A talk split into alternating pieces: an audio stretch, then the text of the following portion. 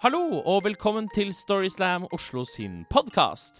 Mitt navn er Audun Lunga, og jeg befinner meg 150 km vest for eh, kysten av Hordaland i et undersjøisk forskningslaboratorium. Eh, sammen med min faste podkastmakker Karoline Marie Enoksen. Ja. Hei på deg. Hei, Det var jo litt uh, pussig å treffe deg helt, helt tilfeldig her på havbunnen. Men Ja. uh, siden vi begge er her nede, så tenkte vi at vi kunne lage en episode av podkasten vår. Herregud, ja. Ja. Hvorfor ikke? Ikke sant? Ja. Og det er sånn podkasten vår blir til. Vi bare møtes tilfeldig, og så lager vi en episode. Og så oppstår det magi. Yes. Nettopp. Men vi skal høre noen fortellinger, Audun. Helt riktig. Og disse ble fortalt uh, på et av våre live-arrangementer på Kulturhuset uh, for en stund siden. Ja. Og den eh, første fortellingen vi skal høre, Audun, det er jo en ganske sterk historie. Ja, det er sant. Og vi vil veldig gjerne takke Marte Grevle eh, for at hun delte sin historie med oss.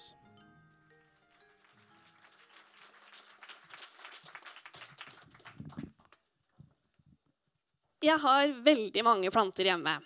Eh, veldig mange planter. Så mange planter at når folk kommer på besøk hos meg, så sier de Oi, her var det mange planter. Jeg bare, jeg bare liker å ha det grønt rundt meg.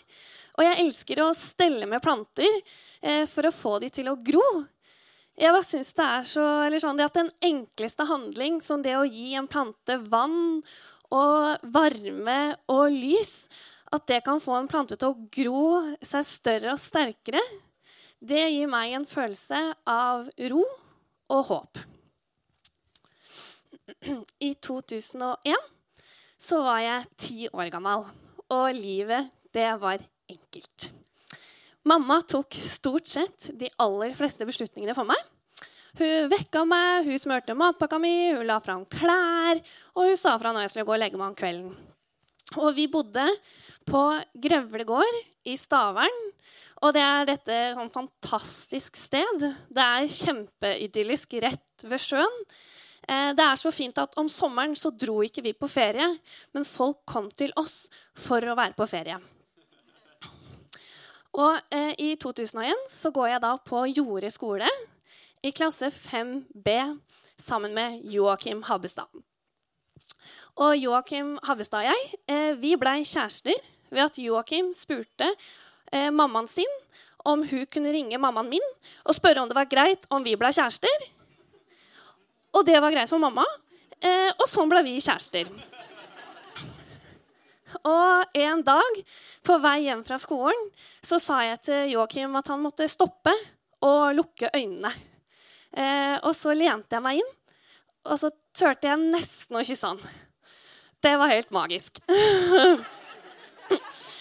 altså, jeg kunne eh, Ja, det var helt fantastisk. Og hjemme på eh, Grevle gård så bodde jeg da sammen med eh, bestemor og bestefar, mamma og pappa og eh, mine tre søsken, Morten, Petter og Lise. Så det var jo alltid eh, mye liv og røre hjemme på gården. Eh, så det var jo, og det er rart med det. Når man er en søskenflokk på fire, så blir det allianser. Og Petter og jeg, vi var allierte. Vi var bestevenner. Vi kunne fortelle hverandre alt. Så etter denne dagen med Joakim Habbestad, så det eneste jeg tenkte på, det var å komme meg hjem og fortelle det her til Petter, at forholdet vårt hadde utvikla seg. Eh, så det gleda jeg meg veldig til.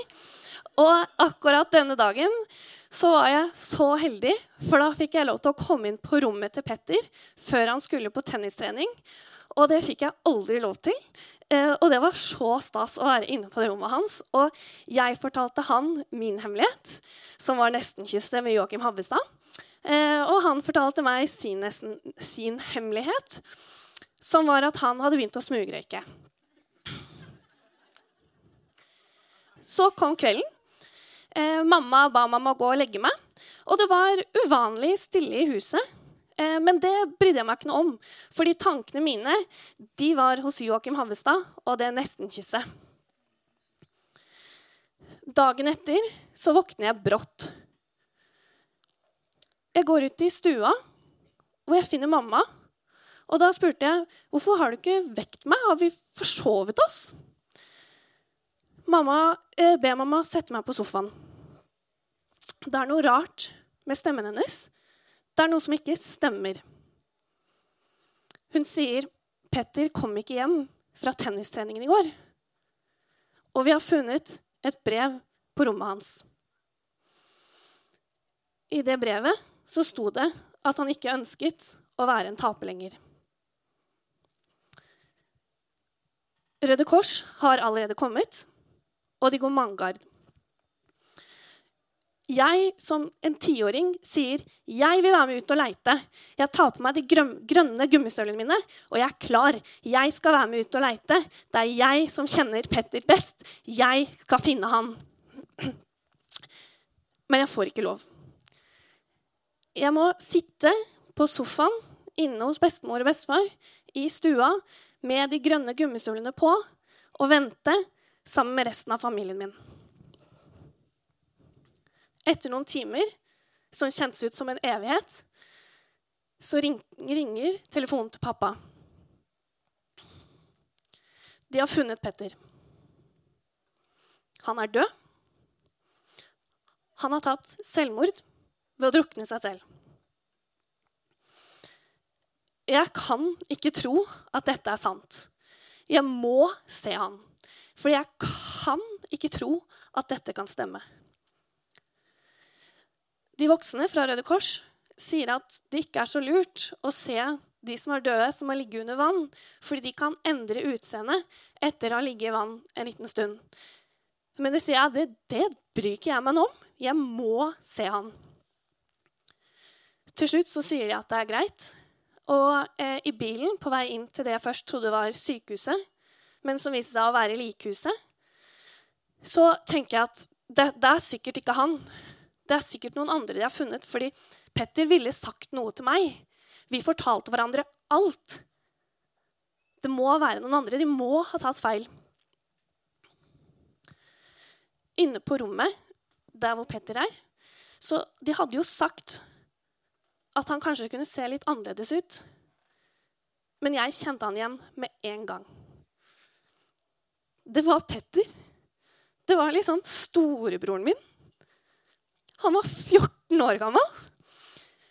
Og jeg skjønner ikke hvordan en 14-åring vet at selvmord er et alternativ. Det, det skal ikke være et alternativ. Noen dager senere så er jeg tilbake på rommet mitt. Og det er fortsatt stille i huset. Men så kommer Joakim Habbestad på besøk. Han har med seg litt sånn tørr, flatpakka jord som blir litt større når man heller vann på den, og noen frø og en spirekasse. Sammen så planter vi noen frø som etter hvert blir til en blomst. Og sakte, men sikkert så blir det mer liv og røre i huset igjen.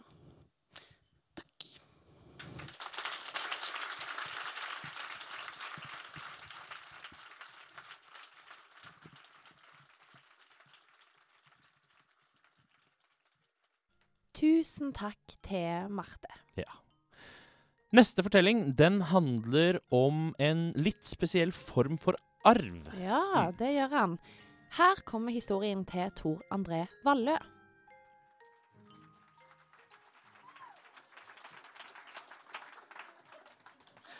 Uh, bare så det er sagt, uh, så er ikke dette her min naturlige hårfarge eller hårfrisyre. Uh, jeg måtte farge håret mitt og ta permanent fordi jeg spilte i en teaterforestilling. Og nå som forestillingen er over, så vet jeg ikke helt hva jeg skal gjøre med dette her. Og ettervekst er liksom ikke så veldig sexy, men det er det det er. Men jeg fikk spille teater sammen med kjæresten min, og det var veldig hyggelig.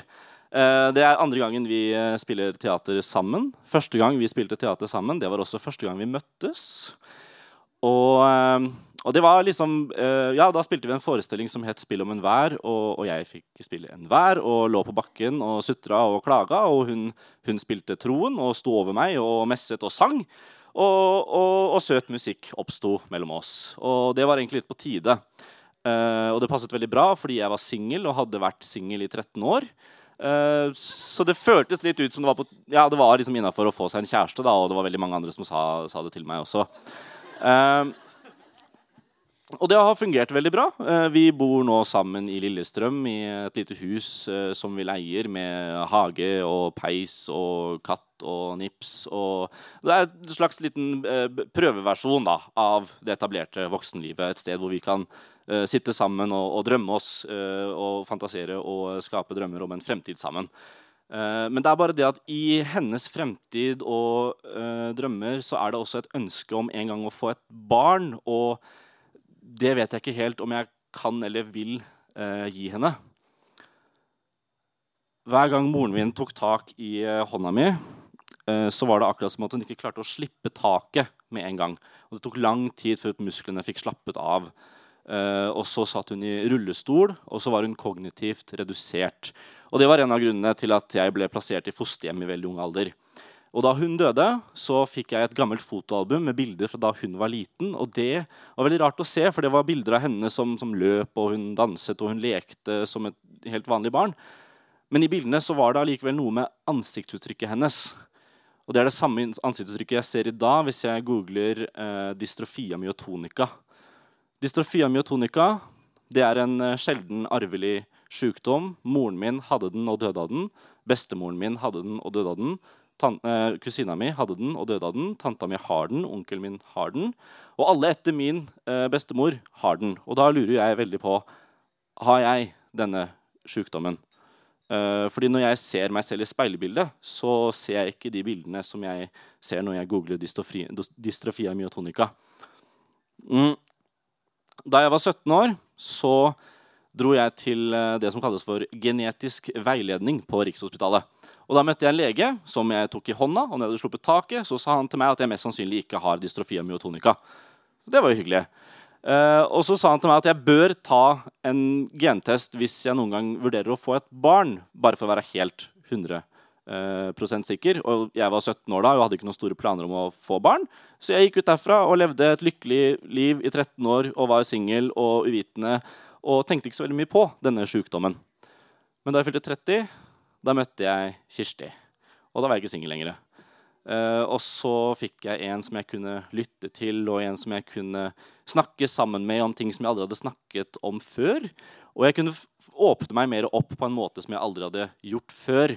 Og Da fortalte jeg henne om denne sykdommen, og jeg fortalte henne om eh, min mor og min bestemor og min kusine og, og, det jeg hadde sett i dem, og forklarte at hvis jeg har denne sykdommen, så vil ikke jeg ha et barn. Eh, og så fortalte jeg henne at det fins en gentest, at jeg kan ta den for å få vite om jeg har denne sykdommen eller ikke. Og så fortalte jeg henne hva jeg føler om å ta denne gentesten. Uh, har dere sett dokumentaren til Karoline som sitter der? Det er en dokumentar som heter 'Genenes forbannelse'. Uh, og Hvis ikke du har sett den, se den. Uh, den er forferdelig bra.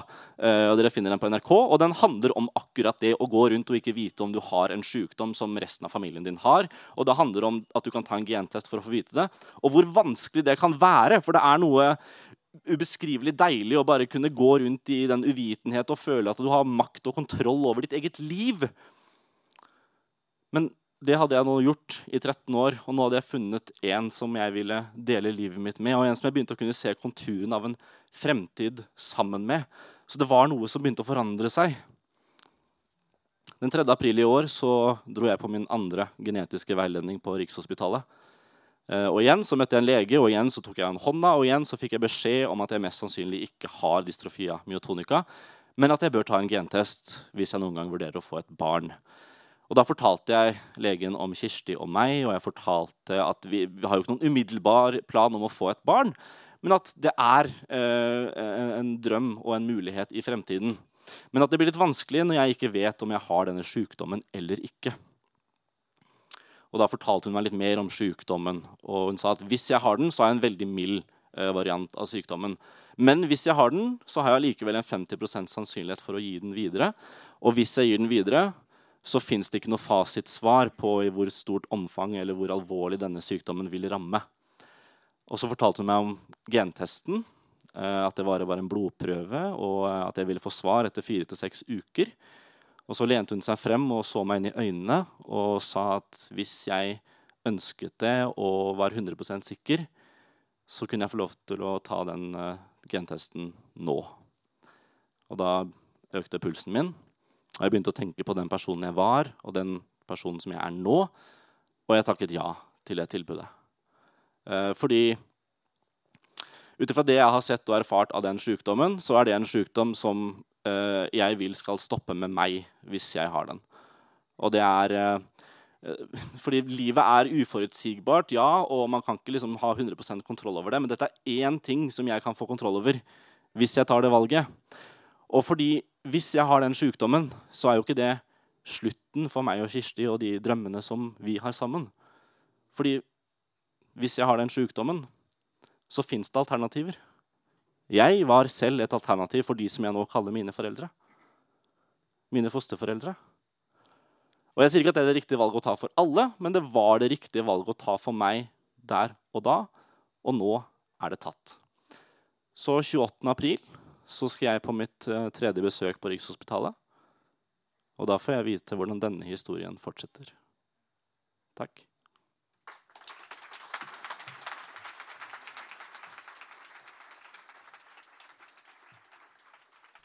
Tusen takk til Tor André. Ja, tusen takk. Og i, eh, ja, midt i den fortellingen til Tor André, så ropte han plutselig ut et navn der i Caroline Marie Enoksen, ikke sant? Ja. Og det var navnet på en som satt, i, midt, satt på første rad i salen der, ikke sant? Ja. Det Caroline Marie Enoksen. Hvilket navn var det da, Caroline Marie Enoksen? Nei, det kan jo hende at han siktet til Karoline Marie Enoksen. Ja, det kan hende, Caroline Marie Enoksen. Fordi du har jo altså vært fokus for en dokumentar som NRK har lagt ut.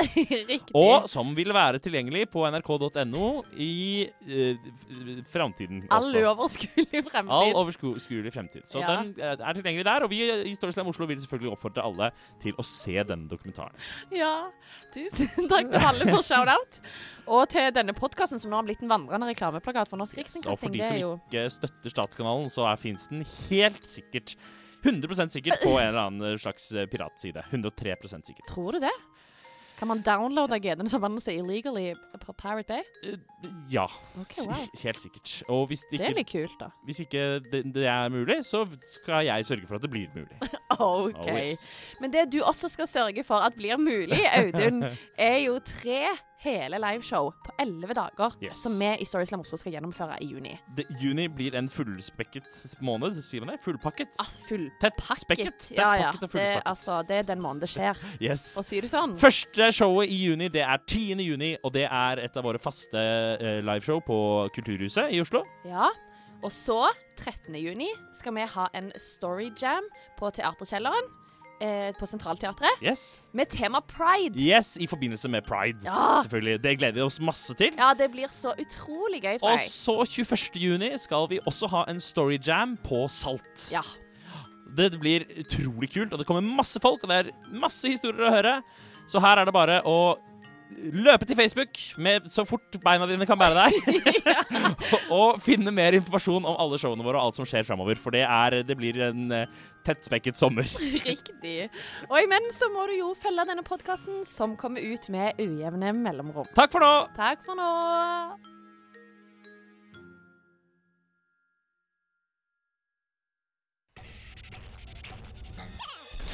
Monster.